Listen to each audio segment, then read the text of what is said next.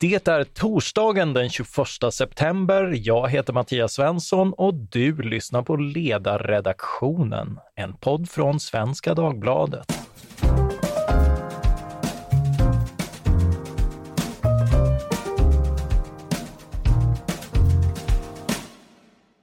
Dagens ämne är det kommande valet i Slovakien, men kanske framför allt varför det ser ut att sluta illa. En lång och mycket läsvärd förhistoria finns nämligen i boken Skotten i Slovakien, en centraleuropeisk tragedi. Den är skriven av Hynek Pallas som är filmvetare, författare och kulturjournalist som är med oss idag. Välkommen! Tack så mycket Mattias. Din bok är ju ingen deckare, men lika fullt en mordgåta. Eh, så låt oss börja där med de skott som är anledningen till din boktitel. Vilka sköts och hur påverkade det Slovakien?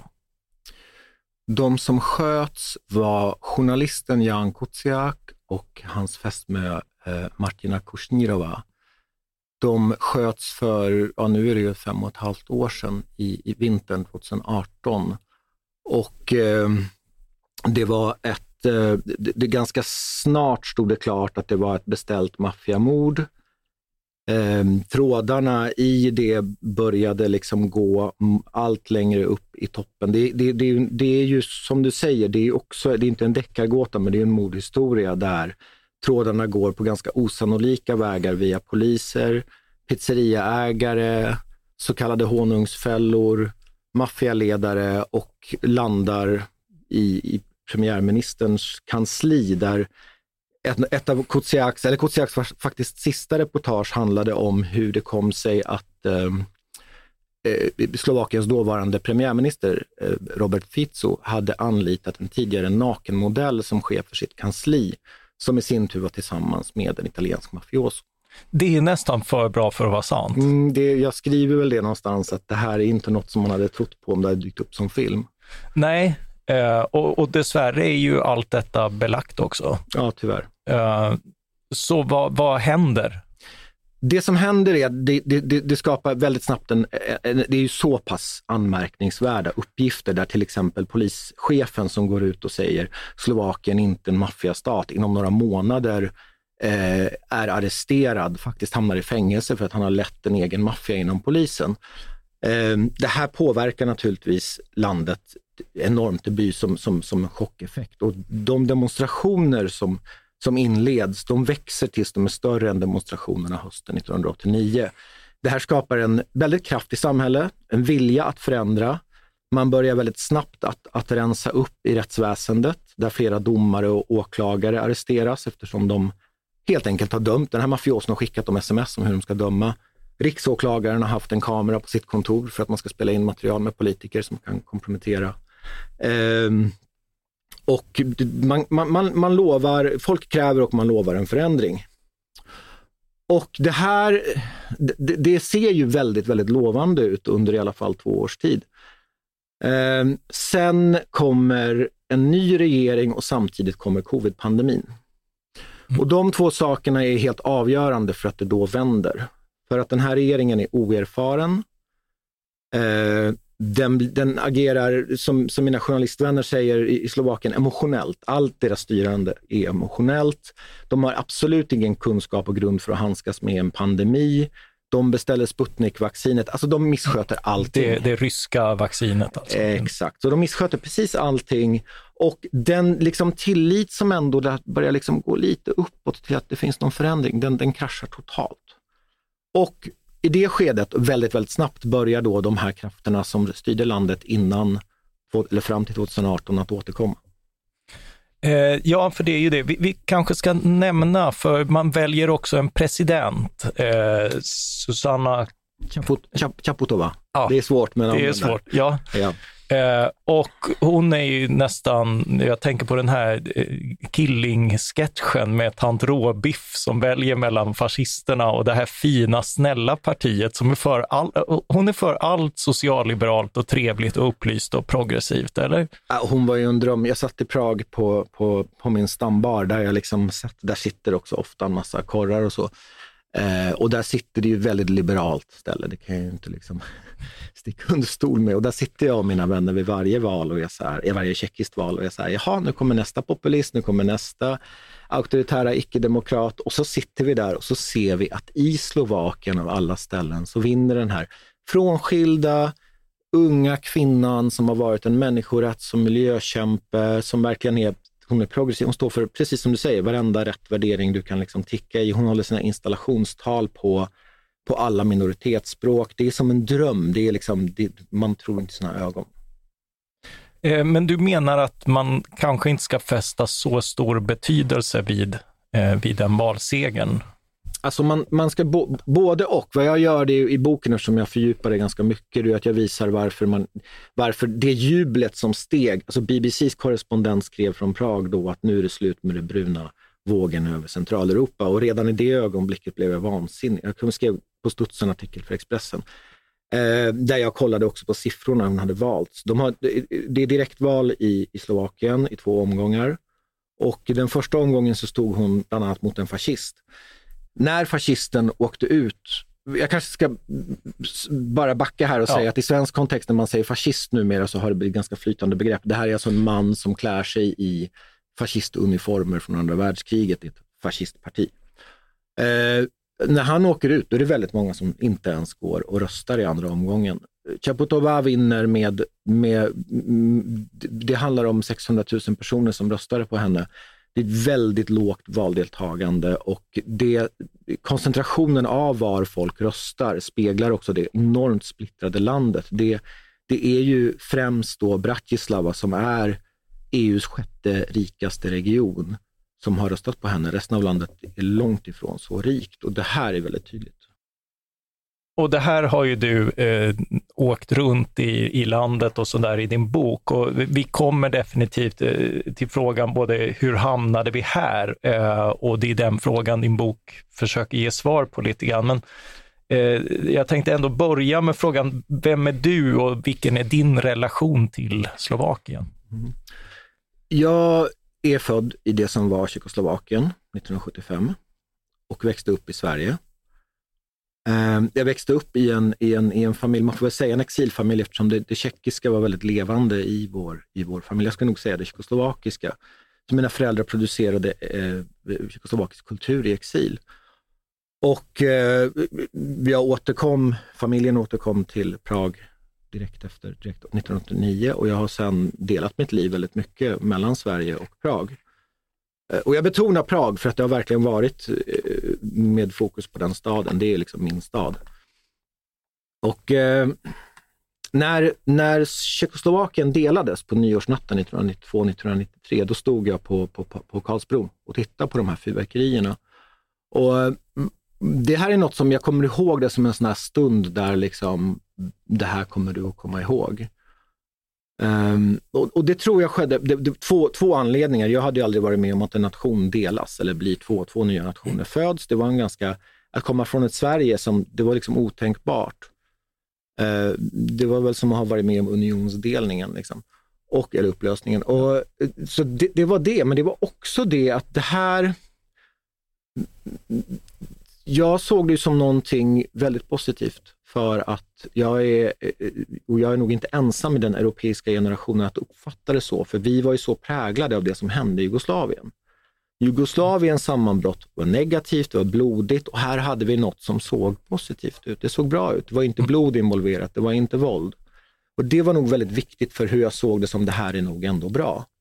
Sen har det ändå blivit med mig för att den tjeckoslovakiska identitet jag är uppfostrad i, den, den betonar och får man ge cred till mina föräldrar som har betonat det väldigt mycket. Det, det var ett eh, mångnationellt, ett, ett multietniskt land mm. som sakta skalat av de nationerna och etniciteterna. Tyskarna kastades ut efter kriget, eh, judarna mördades, många utvandrade vidare, antisemitismen fortsatte under kommunismen.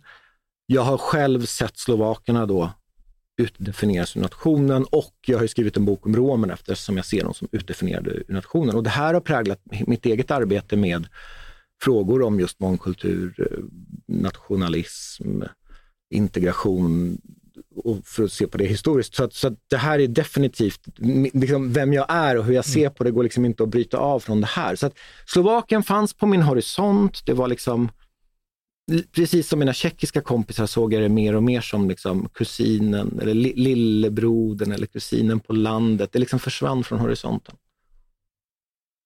Mm, eh, och eh, eh, hur kom det sig då att, att du ändå skrev den här boken om lillebror från landet?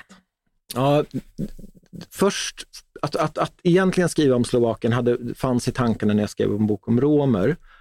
Eh, Oanpassbara medborgare. Precis, och den skrev jag i mitten på 10-talet. Men då, då insåg jag att det skulle bli en för stor berättelse för att det, om jag inkluderade Slovakien där situationen är väldigt annorlunda, som liksom, då skulle det bli en liksom, dubbelt så lång bok, så det gjorde jag inte. Men när eh, Kutsiak och hans fästmö sköts, jag minns väldigt väl ögonblicket då den här boken liksom, så att säga föddes första gången.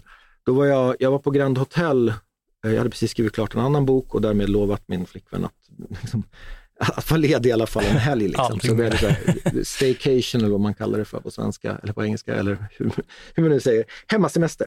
Så vi var på Grand Hotel och eh, Sveriges Radio ringde och eh, ville ha någon form av kommentar till det som hände i Slovakien. Och jag var så här, de bara, men vi skickar en sändningsbil, du måste vara med. Okej, okay, ja, då gör vi så. Jag gick ner på parkeringen, jag satt där och jag sa mitt. Och jag menar, jag minns att jag liksom kunde ge en, en bakgrund men jag minns att jag var, det var otroligt otillfredsställande för mig själv att det här finns det någonting mer. Hur är det här möjligt? Vad är det som har hänt? Och redan då började jag tänka så här, ja men det här, det här är något att skriva om. Men sen så kanske jag inte, jag kände väl liksom också så här, ja men jag kanske inte bara vill fastna i Centraleuropa just nu, jag vill skriva något annat. Jag hann skriva två böcker till. Men sen när den här vändningen kom, ungefär två år senare, när liksom mörkret så att säga började välla fram igen i Slovakien.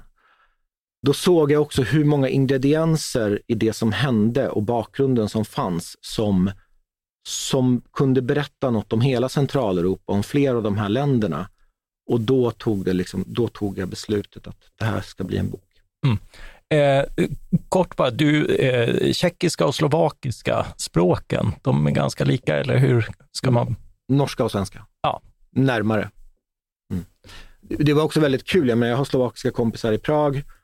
Eh, de pratar ju väldigt mycket, när vi pratar om till exempel skandinaviska i Sverige, liksom, de pratar ju en väldigt, liksom, det händer också när jag intervjuar folk i Slovakien, att de är så här, men jag kan prata, speciellt ur min generation, så säger de, men jag kan prata tjeckiska, eller tjeckoslovakiska som de mm. säger.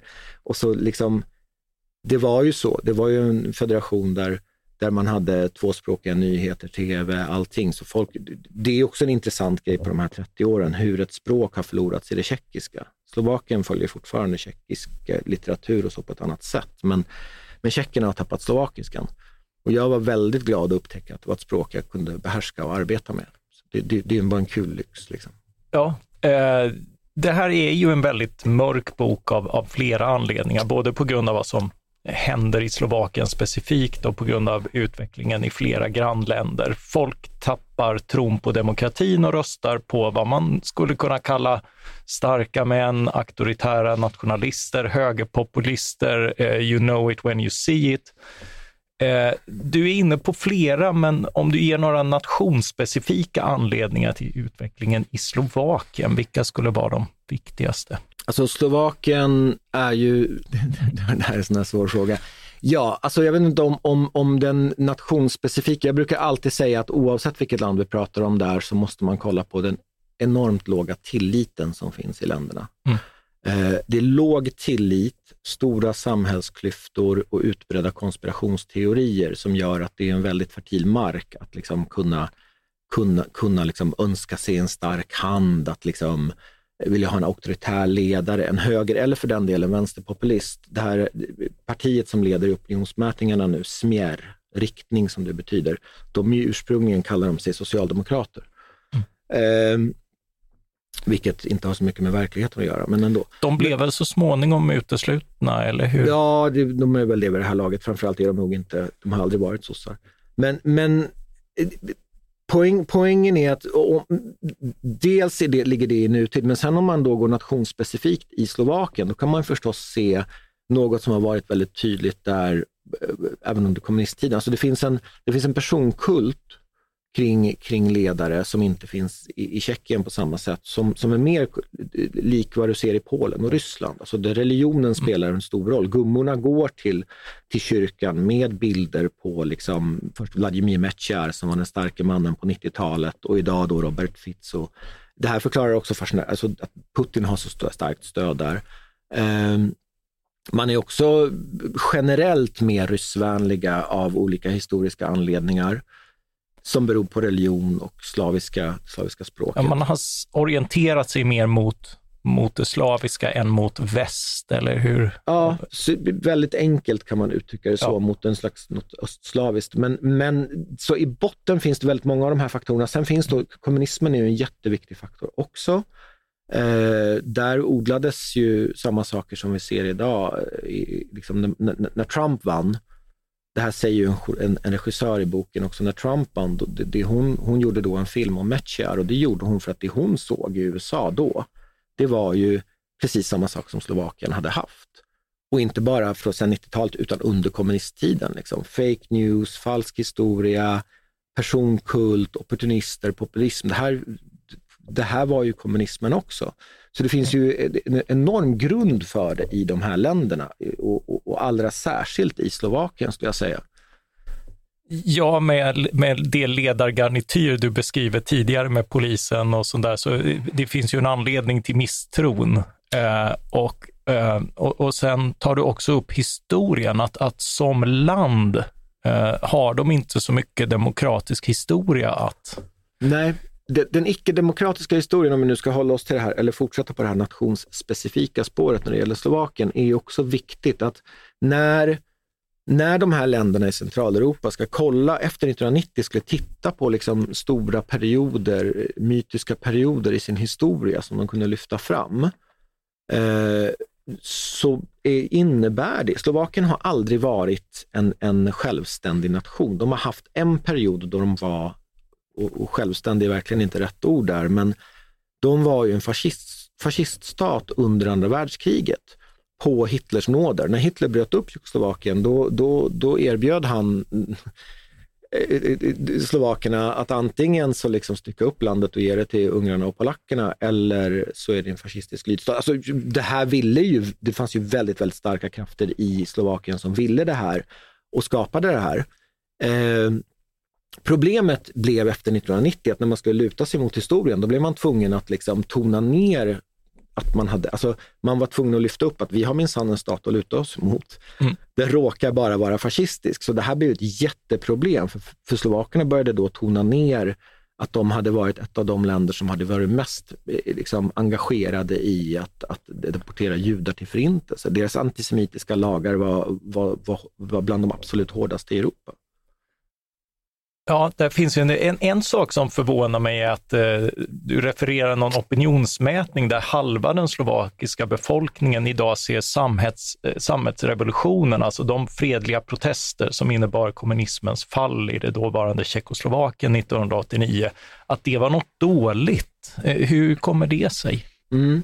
Det där, det där är ju en, en intressant grej, att liksom när vi tittar på uh, det kommunistiska Östeuropa och uh, demokratin efteråt, vi ser ju liksom en monolit. Vi ser inte skillnaderna, i det här fallet då, inom landet Tjeckoslovakien.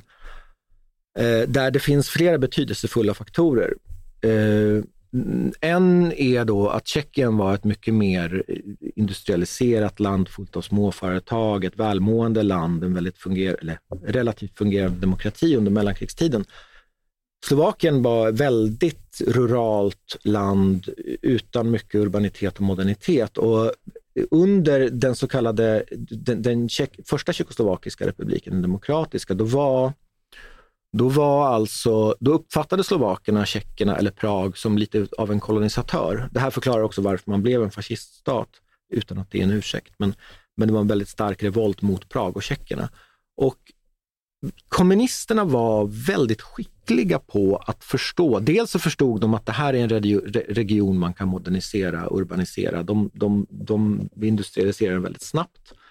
Eh, och de satsade väldigt mycket där och flera slovakiska, eh, flera slovaker blev ledare, generalsekreterare i partiet, presidenter, där slovaker så att säga inte hade, man hade inte sett dem förut. Så upp, sättet man uppfattar kommunismen i, i, eh, i, i Slovakien har alltid varit annorlunda än i Tjeckien. Och eh, själva separationen, samhällsskilsmässan som den heter 92-93, den beror också lite på det här i synen, väldigt olika syn på hur man skulle privatisera till exempel. Ja, där väljer eh, Slovakien att inte göra så mycket från början, eller hur? Alltså, eller är det mest annorlunda? Det, alltså för det första, så, ja, den tjeckiska eh, privatiseringen ser ju, går ju hastigare och ser, ser mer ut som en liksom tydlig thatcheristisk, eh, kapitalistisk eh, process. Men alltså stölderna i Slovakien var ju inte mindre. Vi, vi väntar nog fortfarande på, på den det är väldigt mycket vi inte vet om privatiseringarna i Centraleuropa, mm. Östeuropa och Ryssland. Men de finns kvar som, ett, eh, som en väldigt viktig orsak till traumat därför att väldigt mycket gick inte rätt till. Ja, det, ja, det är ju ett snällt sätt att, att uttrycka det. Alltså ja. När det gäller begreppet privatisering i de här sammanhangen, och privatiseringen har ju verkligen varit, många betraktar det som en grund till elände och jag beskriver det också som en grund till elände, det är ju att vi talar ju om organiserade stölder. Mm. Och det är ju faktiskt så att i många av de här fallen så är det så att eh, Václav Klaus som, som styrde Tjeckien, då han släckte ljuset och lät sina polare stjäla vad de kunde. Och sen när han blev president så benådade han dem, apropå att inte skapa tillit i ett land. Mm. Mm. Och i Slovakien gick det mycket värre till. Den eh, ledare jag då nämnde tidigare, Vladimir Mečiar, han ledde inrikesministeriet när 1990 och vad han, det han gjorde där då, det var att han såg till att plocka ut akter från säkerhetstjänstens arkiv på folk som han sen då anlitade som politiker så att han sen kunde styra dem genom, som han själv sa, hålla dem om ballarna. Eh, så här såg politiken ut på 90-talet och de strukturer som växte fram ur det här, de skandaler som under lång tid fram tills den här eh, mordet på den här journalisten har präglat relationen mellan näringsliv, om man ska använda ett snällt begrepp, eh, jag ska nog säga maffia i många fall, och politiken, de är upparbetade sedan 90-talet vad som hände i Slovakien och anledningen till att vi inte har sett det eller liksom inte har förstått det, det är ju att 90-talet är, som Madeleine Albright sa, Slovakien är ett svart hål i Europas hjärta. Men det, blev, det fanns, när, när man hade blivit av med Meciar på 00-talet, då fanns det en politisk konsensus att åtgärda det här, bli mer västinriktade. Och då blev man ju inte bara EU-medlem, NATO-medlem, man, man, man, man tog euron och europeiska, eller man, idag är man ju då världens största eh, bil, biltillverkare per capita. Så de här, alltså att de här bilföretagen byggdes upp framförallt då kring Bratislava i den regionen eh, betydde ju enormt mycket och ett inflöde av pengar utan dess like. Så att den här uh, Tatra-tigern som man kallar det då, Tatra är bergskedjan, mm. Tatra-tigern som ekonomin kallades, den, den, den dolde rätt rejält vad som pågick under. Folk var ju bara glada, nu går det bra ekonomiskt för dem. Och det som man trodde väldigt länge, ja, då, då är det ju demokrati, då blir det ju demokrati, då följer den. Inte att liksom, det byggdes upp ett helt fejk rättsväsende och polisväsende under det. Så, så det är flera processer här, liksom. några som var väldigt nyttiga, åtminstone för delar av, eh, av, av landet eh, och andra som, som korrumperade de viktiga institutionerna Eh, vilket, vilket man kanske inte såg under tider som det gick bra. Är det en sammanfattning? Alltså, det är ju bra att det kommer in pengar i landet, men, men det, här, och det, här, det här är ju inte ett problem som är isolerat till Slovakien. Det handlar om hur man fördelar pengarna och, ute i landet. Jag menar, om du kollar på Ungern, vi tittar väldigt mycket på liksom rättsröta också där i Ungern. Vad vi inte kollar på, det är hur otroligt dåliga de är på att återinvestera i skolor. De har ju de har haft lärarstrejker utan dess like. De har jättestora problem med sina skolor. Där är tjeckerna också. Frågan är vad händer med pengarna? Hur mm. investerar man? Vad investerar man? Hur investerar man för framtiden? Och eh, i Slovakiens fall så tar jag upp det här att mycket både skolor, specialkompetens och så vidare, anledningen till att man förlorar the best and the brightest. Liksom. Kanske inte på samma nivå som Bulgarien, men, men illa nog. Så att jag menar, visst, det, det är jättebra att Bratislava är rikt, liksom. men om inte du lyckas fördela det här, om du inte lyckas skapa en välmående nation eller någorlunda jämlik, då, då får du ett jättestort demokratiskt problem. Mm. Uh, och, och, du tar upp det som en del i att, att många har en väldigt, alltså det är väldigt eftersatt på många punkter och en anledning till missnöjet är just uh, ja, att uh, nu med stigande energipriser efter pandemi så har folk fått det ännu värre rent materiellt. Det hemska är ju att Slovakiens ekonomi går ganska bra. Liksom. Det är ju fortfarande en fråga om fördelning. Jag tror att svenskar som skulle åka omkring i Slovakien och hamna på vissa platser skulle, skulle nog bli ganska chockerade över att det är EU. Och eh, Det här är nog en sak som vi inte har förstått i Sverige, även om vi vid det här laget har förstått att eh, marknadsekonomin i, i, i, så kallade, i det forna östblocket inte automatiskt gav demokrati, så har vi nog inte förstått djupet av, för vi åker ju till Prag, liksom. vi åker till Bratislava, vi åker till, till Warszawa, till Lodz, till, till Krakow, eh, Budapest. Vi ser inte hur det faktiskt ser ut och hur stora delar av länderna har det. Mm. Uh, och det är ju en aspekt. Och du har ju dessutom tittat på en ännu uh, dystrare aspekt, nämligen hur romer har det i ja. de här länderna. Det, det, här, det här är ju en, en bast, ett bastant kapitel i den här boken och det kan man ju också se som en slags pendang till oanpassbara medborgare. Jag besöker då den största romska bosättningen i östra Slovakien. Det finns jättemånga bosättningar där av olika storlek. Allt från liksom, alltså när man talar om bosättningar då talar man allt, allt från fem hus till i det här fallet, ja, vi, vi, ingen vet ju, 10-13 000 boende liksom. Och det är ett eh, det var ett fruktansvärt ställe. Jag blev förberedd på det här. Jag har ju, jag, jag har ju skrivit så mycket om romer, så i teorin så var jag ju förberedd. Jag visste ju, jag intervjuat mängder av, av, av romer i Tjeckien och känner romer som majoriteten kommer ju från Slovakien i olika skeden. Så jag har ju hört om det här hela tiden. Jag har hört och jag har sett de tjeckiska getton och då tänker man att man är förberedd på det. Men det här är ju inte getton utan det här är ju kåkstäder. Och en, en utrikesjournalist som jobbar mycket i Ukraina, och, men han har också jobbat i Mellanöstern, han sa när jag skulle dit, han sa ja, ja, men det är ju som flyktinglägren i Gaza. Och det är det ju, det är ju korvplåt. Det, det, är liksom de här, det är ju som alltid med sådana här läger som har funnits i den här bosättningen har funnits i hundra år. Liksom. Så du har allt från liksom, hus som byggdes under kommunisttiden till, till liksom korvplåt, eh, skjul. Och eh, det är fruktansvärda omständigheter, alltså fullständigt vidrigt. Och det är en, det är en minoritet som utgör som är en halv miljon stark och det är ett land på fem miljoner invånare. Så det är ingen liten sak. Men vad görs för att eh, hjälpa Eh, romerna i den här situationen eller hålls de snarare aktivt utanför? Ja, tusen miljoner kronors frågan. De här länderna, och det gäller ju inte bara Slovakien, har rent liksom eh, själva inte visat sig jätteengagerade i att aktivt göra något, utan det, det kommer med EU. Och det kommer med EU-fonder. Problemet är ju att EU har liksom inte, eh, liksom, de, de kan ju inte tvinga fram att pengarna ska hamna rätt och hur de gör det. Och jag beskriver ju en del EU-insatser som är rätt skrattretande, eller om de, om de inte var så sorgliga i boken. Eh, för det blir ju jättesvårt. Jag menar romerna, det är fortfarande kommunerna i, i Slovakien som, som, som ansvarar för en massa frågor. Det blir ju svårt om de inte släpper in dem i skolor, i förskolor. EU kan renovera en förskola, men den blir för fin, tycker de vita slovakerna, så dit kan inte romerna gå. Eh, romerna får inte köpa lossmark i de här bosättningarna för då ser slovakerna att de kommer bli permanenta. Men de har ju funnits där i hundra år. Det finns ju en massa hinder på vägen mot att ta makten över sitt eget liv med hjälp av de här fondpengarna. Eh, och de, de ligger väldigt mycket på, på, i det nationella och det lokala där folk helt enkelt inte vill veta av romerna.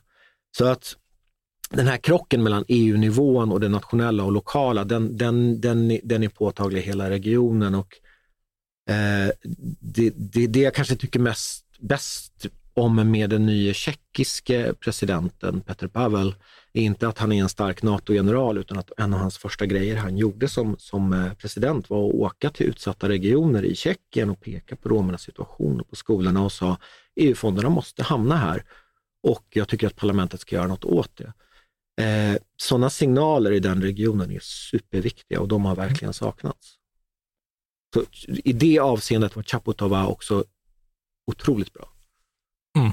Uh, ja, det, det är mycket det. Alltså, eh, men en del, när jag tittade på det här, så var ju en del av tragedin tyvärr också att en självförvaltning av de här stöden också försvann till några få, fast då inom den romska gruppen. Absolut, det finns en jätteutbredd korruption. Jag har ju med eh, alltså det, det, kapitlet är ju rätt omfångsrikt eh, och hade kunnat vara en bok det med. Det handlar ju rätt mycket om vilka maffior eller klaner har styrt i de här områdena. Vad är det för lånehajar? Hur har man styrt av lånehajar?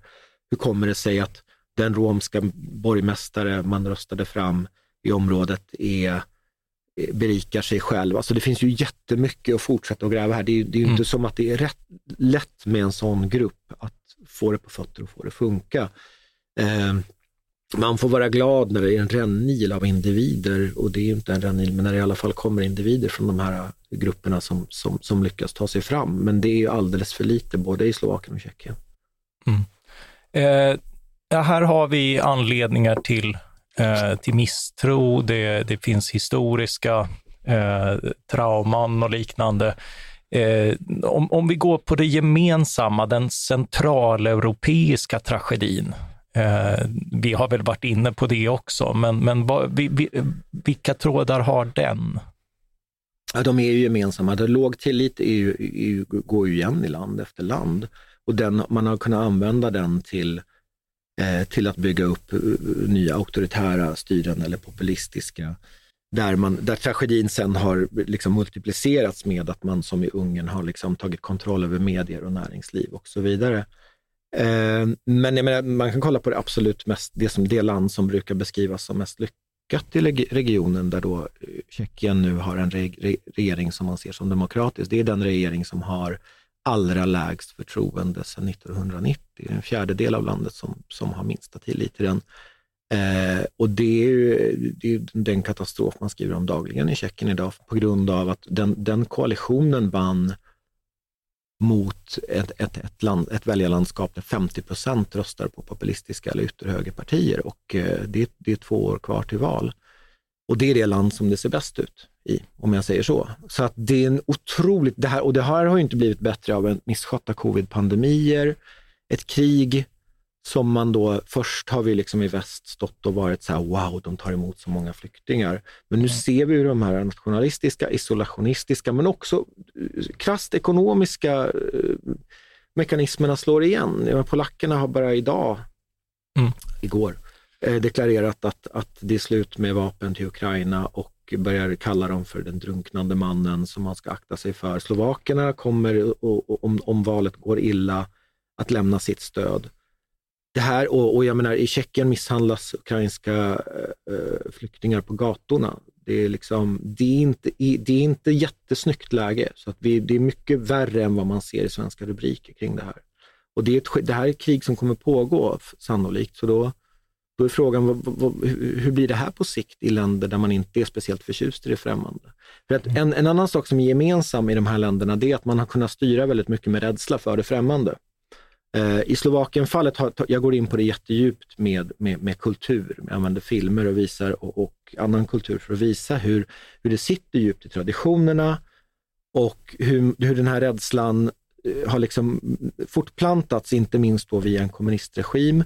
Men sen har den då kunnat liksom användas av politiker idag. En jättestor del av Slovakien är antisemitiskt.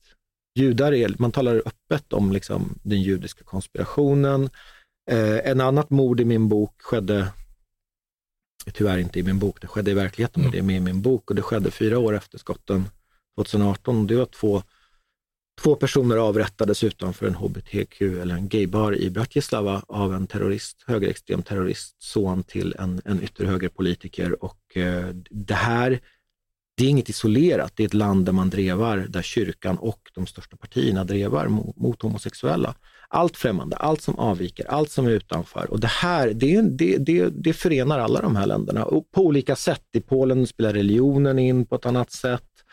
Eh, I Ungern talar man kanske om den vita kristna familjen. Eh, så att det här förenar också länderna. Men styr de åtminstone upp korruptionen?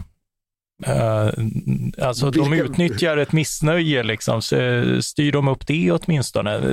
Rakar led och bestämdhet? Liksom. Nej, nej, nej, absolut inte. Utan det här, eh, det här är de flesta som forskar i det här, är nog, eller jag tror att alla är ganska överens om att eh, de här eh,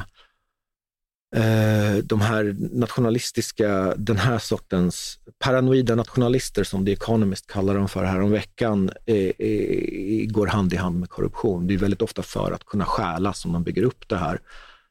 Um, så det är snarare vårt gäng då? Det är nog vårt gäng och jag tror att anledningen till att, till att Smjärfitzo vill komma tillbaka till makten är också för att kunna styra vidare den här ekonomiska frågan.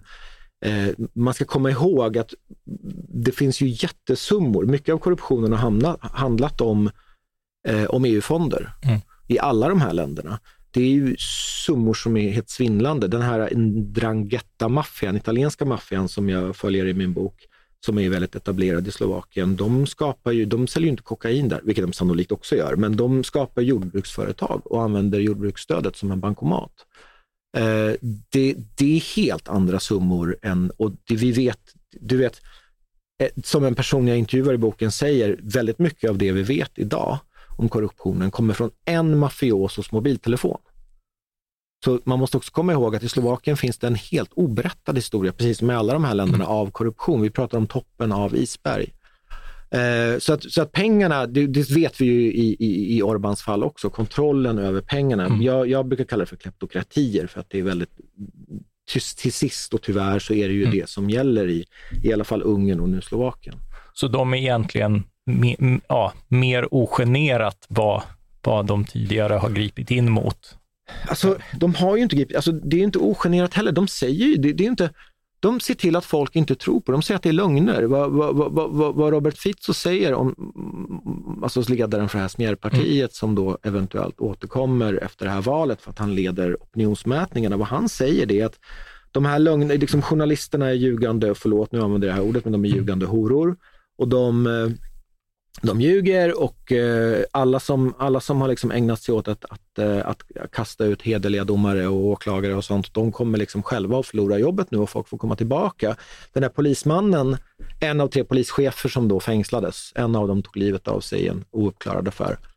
Han återkom som politiker i Robert Fizos parti innan han häktades igen i en korruptionshistoria här om veckan. Alltså jag skulle kunna fortsätta skriva på ja, den här boken ja. stopp. Men poängen är att de, det, det ogenerade i det är att folk tror på dem. De får folk att tro på dem. De får folk, de får folk att säga att de här medierna är inte trovärdiga. Vi har våra. Det är, det är enormt mycket alternativa medier där. I avslutningskapitlet tar jag upp hur, eh, hur den här chefredaktören för Jan Kuciaks tidigare, när det, det var landets största nyhetssajt, eh, berättar hur många läsare de har förlorat till så kallade alternativa medier. Det här är ett land mm. där konspirationsteorier sprids som löpeld och folk tror inte på någon. Jag träffar så många runt om där som är så här, men det är helt opolitligt. Vi tror inte alls på tidningarna eller medierna i det här landet. Vi tror inte på någon. De tror förmodligen inte så mycket på Robert Fico heller. De vill bara ha någon som är stark. Mm, och, och, det är lite grann, uh, ja, nej, men liksom, vi vet att han är skurk, men man, han är vår skurk. Är det så? Man är uppgiven, Nej, man ser honom som en pan, pan. Alltså, han är en riktig kille, herre. Faktum är att väldigt få av dem jag har pratat med som, som gillar honom, de säger inte. De, jag, jag, såna, här, såna här äh, totalt uppgivna människor som bara är så här, alla är skurkar och allt är värdelöst. Visst, jag har träffat dem. Men när jag liksom trycker lite på det så tycker de ändå att Robert Fico är okej okay och bra för att han är, liksom, han är ändå han är en riktig man. Liksom, sånt här. Så det, det är inte så enkelt.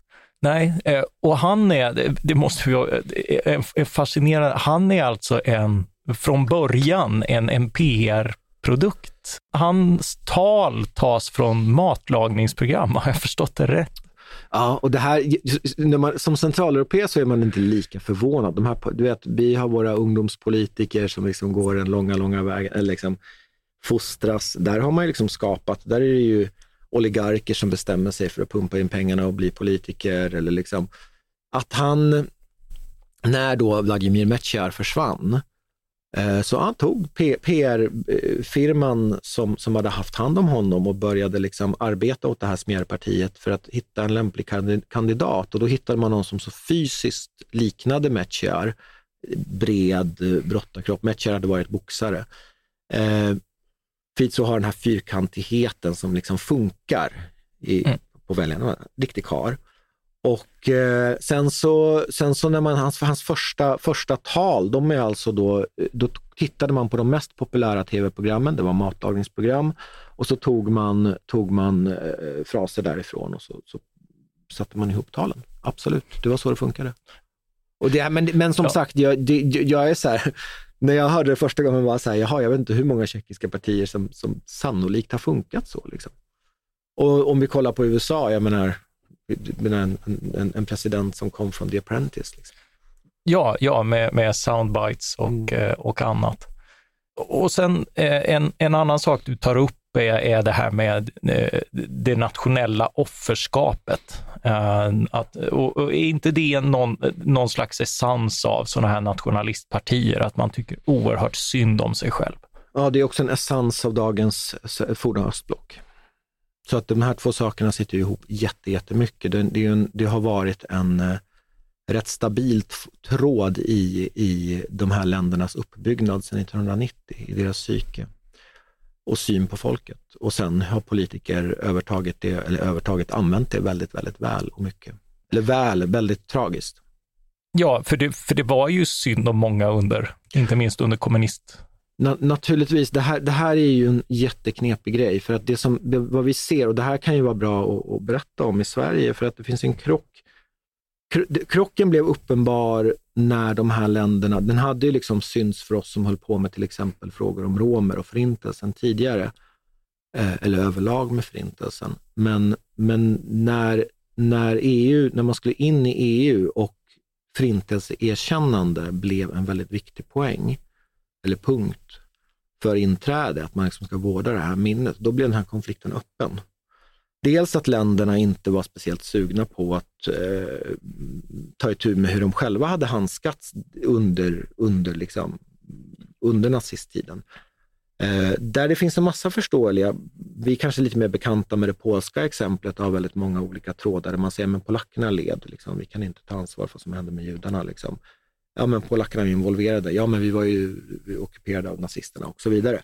I slovakernas fall så är det ju det här att man, man så aktivt deltog i deportationerna. Det finns en, en, en väldigt speciell hemsk sak här och det är att eh, den, den, den fascistledaren som fanns då i Slovakien, Josef Tiso, han, han, de kom på att vad man gjorde, det var att man betalade tyskarna 500 riksmark per jude, per deporterad jude mot att man fick behålla vad man beslagtog. Och Det här blev i sin tur ett incitament för grannar att liksom ta över eh, judiska tillhörigheter, flytta in i hus, eh, en arianiseringsprocess där de tog över deras företag. Och framförallt också då eh, när de judar som kom tillbaka trots allt kunde ju inte komma in i samhället. De var ju berövade allting. Och när man då försökte stifta en lag om att judar skulle få tillbaka, då röstades den, för den revs upp. Det blev ingen sån, alltså redan på 40-talet. Sent 40-tal. Så att, så att sådana här saker, att oviljan att handskas med det här, det blev en enorm krock. För då sa man i de här länderna, men vi är offer. Och börjar vi hålla på med det där, eller det sa de ju inte, mm. men uppfattningen var, tolkar jag det som rent psykologiskt, det är att om vi accepterar det här, då försvinner vårt offerskap. Det var, det, de här gråskalorna, Svetlana Aleksejevitj har skrivit väldigt bra om det här flera gånger, att liksom lyfter man upp det, det är liksom som, som, som kakor av jord som faller isär. Man lyfter, det, och, och, ingen där som hon har skrivit vill vara bödel. Alla eller förövare, alla vill vara offer. Ja, det är det precis gör... som alla idag säger att nej, nej, jag hade aldrig stått där och viftat med högerarmen om jag varit i Tyskland. Nej, nej, absolut, men det, det, är ju en, det är ju enormt mycket mer komplicerat. De här människorna har ju levt i en diktatur, gått över till en annan.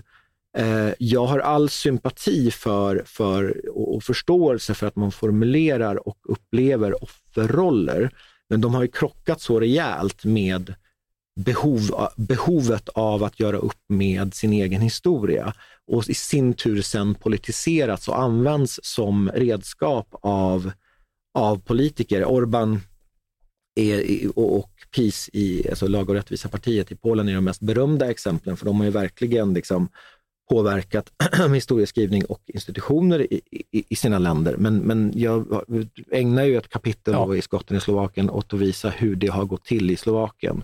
Och det är skolböcker och allting som skrivs om. Skolböcker, museer, institutioner.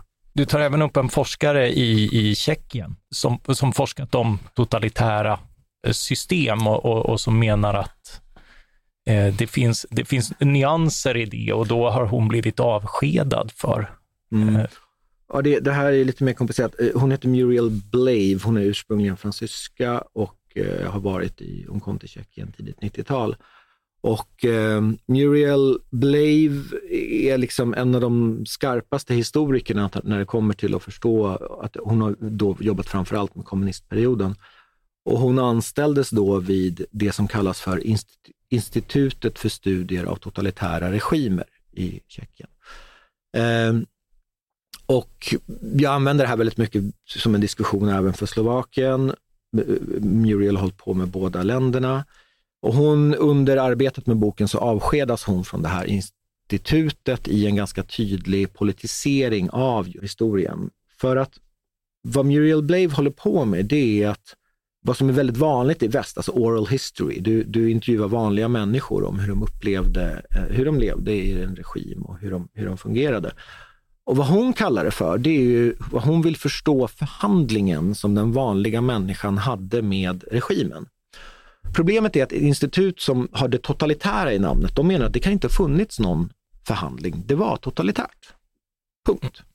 Och det är, det är den typen av antikommunism som du är kritisk mot. Du är inte kritisk mot att man är emot diktatur, utan, eh, utan just det här liksom att alla är offer och, och det, det finns inga nyanser. Är det Exakt, jag använder då ett begrepp i boken som jag kallar för antikommunism. Men det är, jag fördjupar ju det väldigt mycket där. Jag kallar det för, det är ett verktyg eller det, det, det är ett trubbigt slagträ och det här är någonting helt annat i centraleuropeisk kontext där det då har blivit en ideologi som eh, som i det här fallet som jag tog upp, där liksom offerskapen spelar stor roll, så har det blivit en ideologi som omöjliggör förståelse av historien.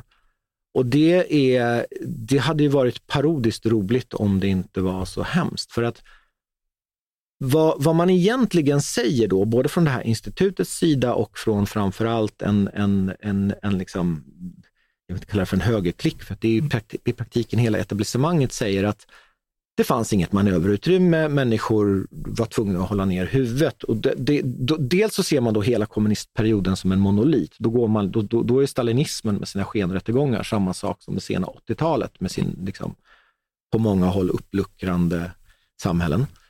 Det är, det är fullständigt absurt, men Tjeckoslovakien hade ju flest partimedlemmar per capita och då måste man snarare förstå varför då? Vilka var inte det? Vad var det som gjorde, som Muriel säger, man måste också förstå vad människor faktiskt tyckte om med regimen. Fanns det något de tyckte om och varför i sådana fall? Hur kan vi hjälpa vår demokrati att förstå det idag?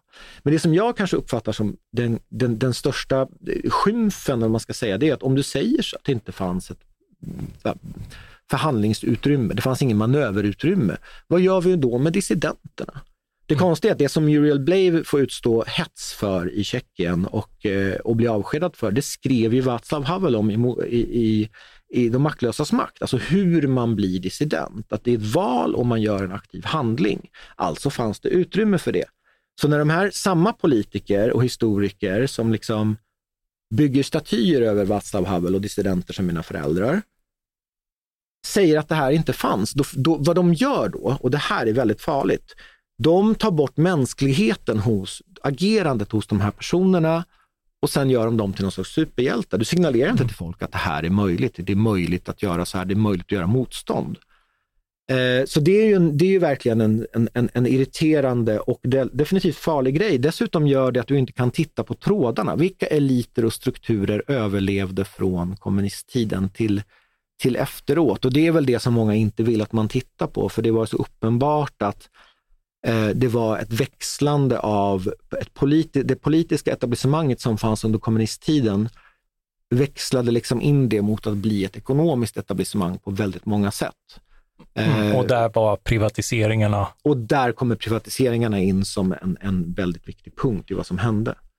Så, att, så att det, finns, det finns jättemånga liksom anledningar till att det här med antikommunism, sen den sista och kanske liksom mest liksom parodiska, det är ju att Orban och de här som slänger sig liksom med ni kommunister-grejen, de är ju idag, de använder ju samma metoder idag. Det är ju mm. högerpopulisterna i Östeuropa, eller populisterna, ytterhögern, de konservativa, vad du än vill kalla dem, de använder samma metoder som kommunistregimerna använde, speciellt mot sina motståndare. Ja, det är verkligen intressant att se nu de här eh, republikanska eh, anti-ukrainarna. För de har ju hittat sån här liksom, eh, sovjetisk eh, kroppskonst och sån här och, och liksom vältränade, koordinerade soldater. Och det tycker jag, titta det här är ett redigt folk. Ja. Uh, ja. ja. även estetiskt går det igen, men absolut, men framförallt så är det väldigt tydligt i politiken och det här gör det ju, nu ser man ju hur, hur regissören Agnieszka Holland jagas eh, från, av polska ministrar i Polen på grund av en film hon har gjort. Och de metoderna de har mot henne som liksom, eh, jag är bekant med, med Agnieszka och vet ju hon ingick i dissidentkretsar i, i Tjeckien också. Och liksom, det här är en person som är, inte bara i sig är en hjälte utan kommer från en familj av, av, av liksom personer som har varit enormt utsatta sättet som de drev mot henne, det enda som det påminner mig om, det är hur man behandlade dissidenter, hur man svartmålar dem. Och det här går igen i alla de här länderna. Orban har ju liksom excellerat i det. Mm. Eh, det finns oerhört mycket mer att diskutera. Jag kan verkligen eh, rekommendera den här boken. Det finns eh, mycket till att gå in på. Jag tänkte bara avslutningsvis, eh, det är lätt att sitta här i Stockholm ändå och tänka att det händer inte här. Eh, hur mycket av det du har skildrat i Slovakien skulle kunna hända här? Ja, alltså, grund, jag brukar säga att när det gäller eh, Sverige och Östeuropa, så, så, eller Östeuropa, Centraleuropa heter det, jag kallar det för, för Östeuropa som det gamla östblocket, eh, så är det så här att naturligtvis är jordmånen i länder som var diktaturer annorlunda. Eh, till exempel om vi tittar på tilliten. Men vi har en annan situation i Sverige idag och jag, det, för mig har Sverigedemokraterna alltid varit, jag vet inte om ordet fascinerande är, är rätt här, men de har, det jag känner igen i dem, det är ju det jag ser i Centraleuropa. De är ju väldigt, väldigt lika de här ländernas syn på folk, på, på den etniska folkets rätt till sin nation, på minoriteter, på opposition, på medier. Alltså på punkt efter punkt. Det finns en anledning till att de har kommit överens så bra med Orban. Eh, det är faktiskt det parti som är mest likt det som var under kommunisttiden som Sverige har haft. Jag tror inte ens VPK förstod liksom riktigt. Det här, det är så fascinerande att se synen på familjen. Allt, det går igen. Det är, liksom, det är helt otroligt. Och där i, med tanke på deras storlek och stöd, eller rättare sagt den här, parti, den här regeringens lutning mot dem, så finns det förstås en fara i att man, man, man kommer att plöja upp de här frågorna, att man kommer eh, etableras samma slags problematik som finns. Men jag menar, den, den, kommer ju att skilja sig för att vi talar om så pass olika samhällen. Men, men i det här avseendet är SD intressanta för att de är ett helt nytt slags parti i det, i det moderna Sverige i det här avseendet som då mest liknar Central och Östeuropas syn på de här sakerna. Och därmed kommer vi att se en förändring. Om den sen liksom, väldigt tveksamt för mig att den skulle leda till till samma slags liksom, totala genomfall för liksom, rättsväsendet till exempel. Men däremot när det gäller journalistiken så, så, så kommer kombinationen av att journalistik i Sverige redan är finansiellt utsatt och att man faktiskt det är ganska hårda drev mot journalister. Sånt, sånt, sånt kan, kan, kan jag se att man kommer liksom få känna igen. Vi, de här dreven mot hbtq-människor är ju jättebekanta samtidigt som liksom Sverige är ett land där och vi bäst, liksom värderingsmässigt bäst i Europa när det gäller synen på, på, på, på homosexuella. Eh, medan Slovakien är liksom bot, bottennaps, eh, vad man kallar det för. Eh, eh, ja, de är jumboplats. Så att, så att det finns ju helt olika förutsättningar, men däremot är det viktigt att hålla blicken på det SD gör tillsammans med den här regeringen och, och förstå vad som har hänt i Centraleuropa. Mm. Eh, tack så mycket Hinek Pallas för att du var med oss idag. Tack Mattias, det var trevligt. Aktuell med boken Skotten i Slovakien. Eh, tack också till alla er som har lyssnat. Den här podden blev kanske inte så himla check, men kanske vill ni höra om Slovakien igen eller om något annat. Maila hur som helst era tankar till oss på ledarsidan svd.se. Ledarsidan svd.se. Producent för det här avsnittet var Jesper Sandström. Jag heter Mattias Svensson och jag hoppas att vi snart hörs igen. Tack för den här gången.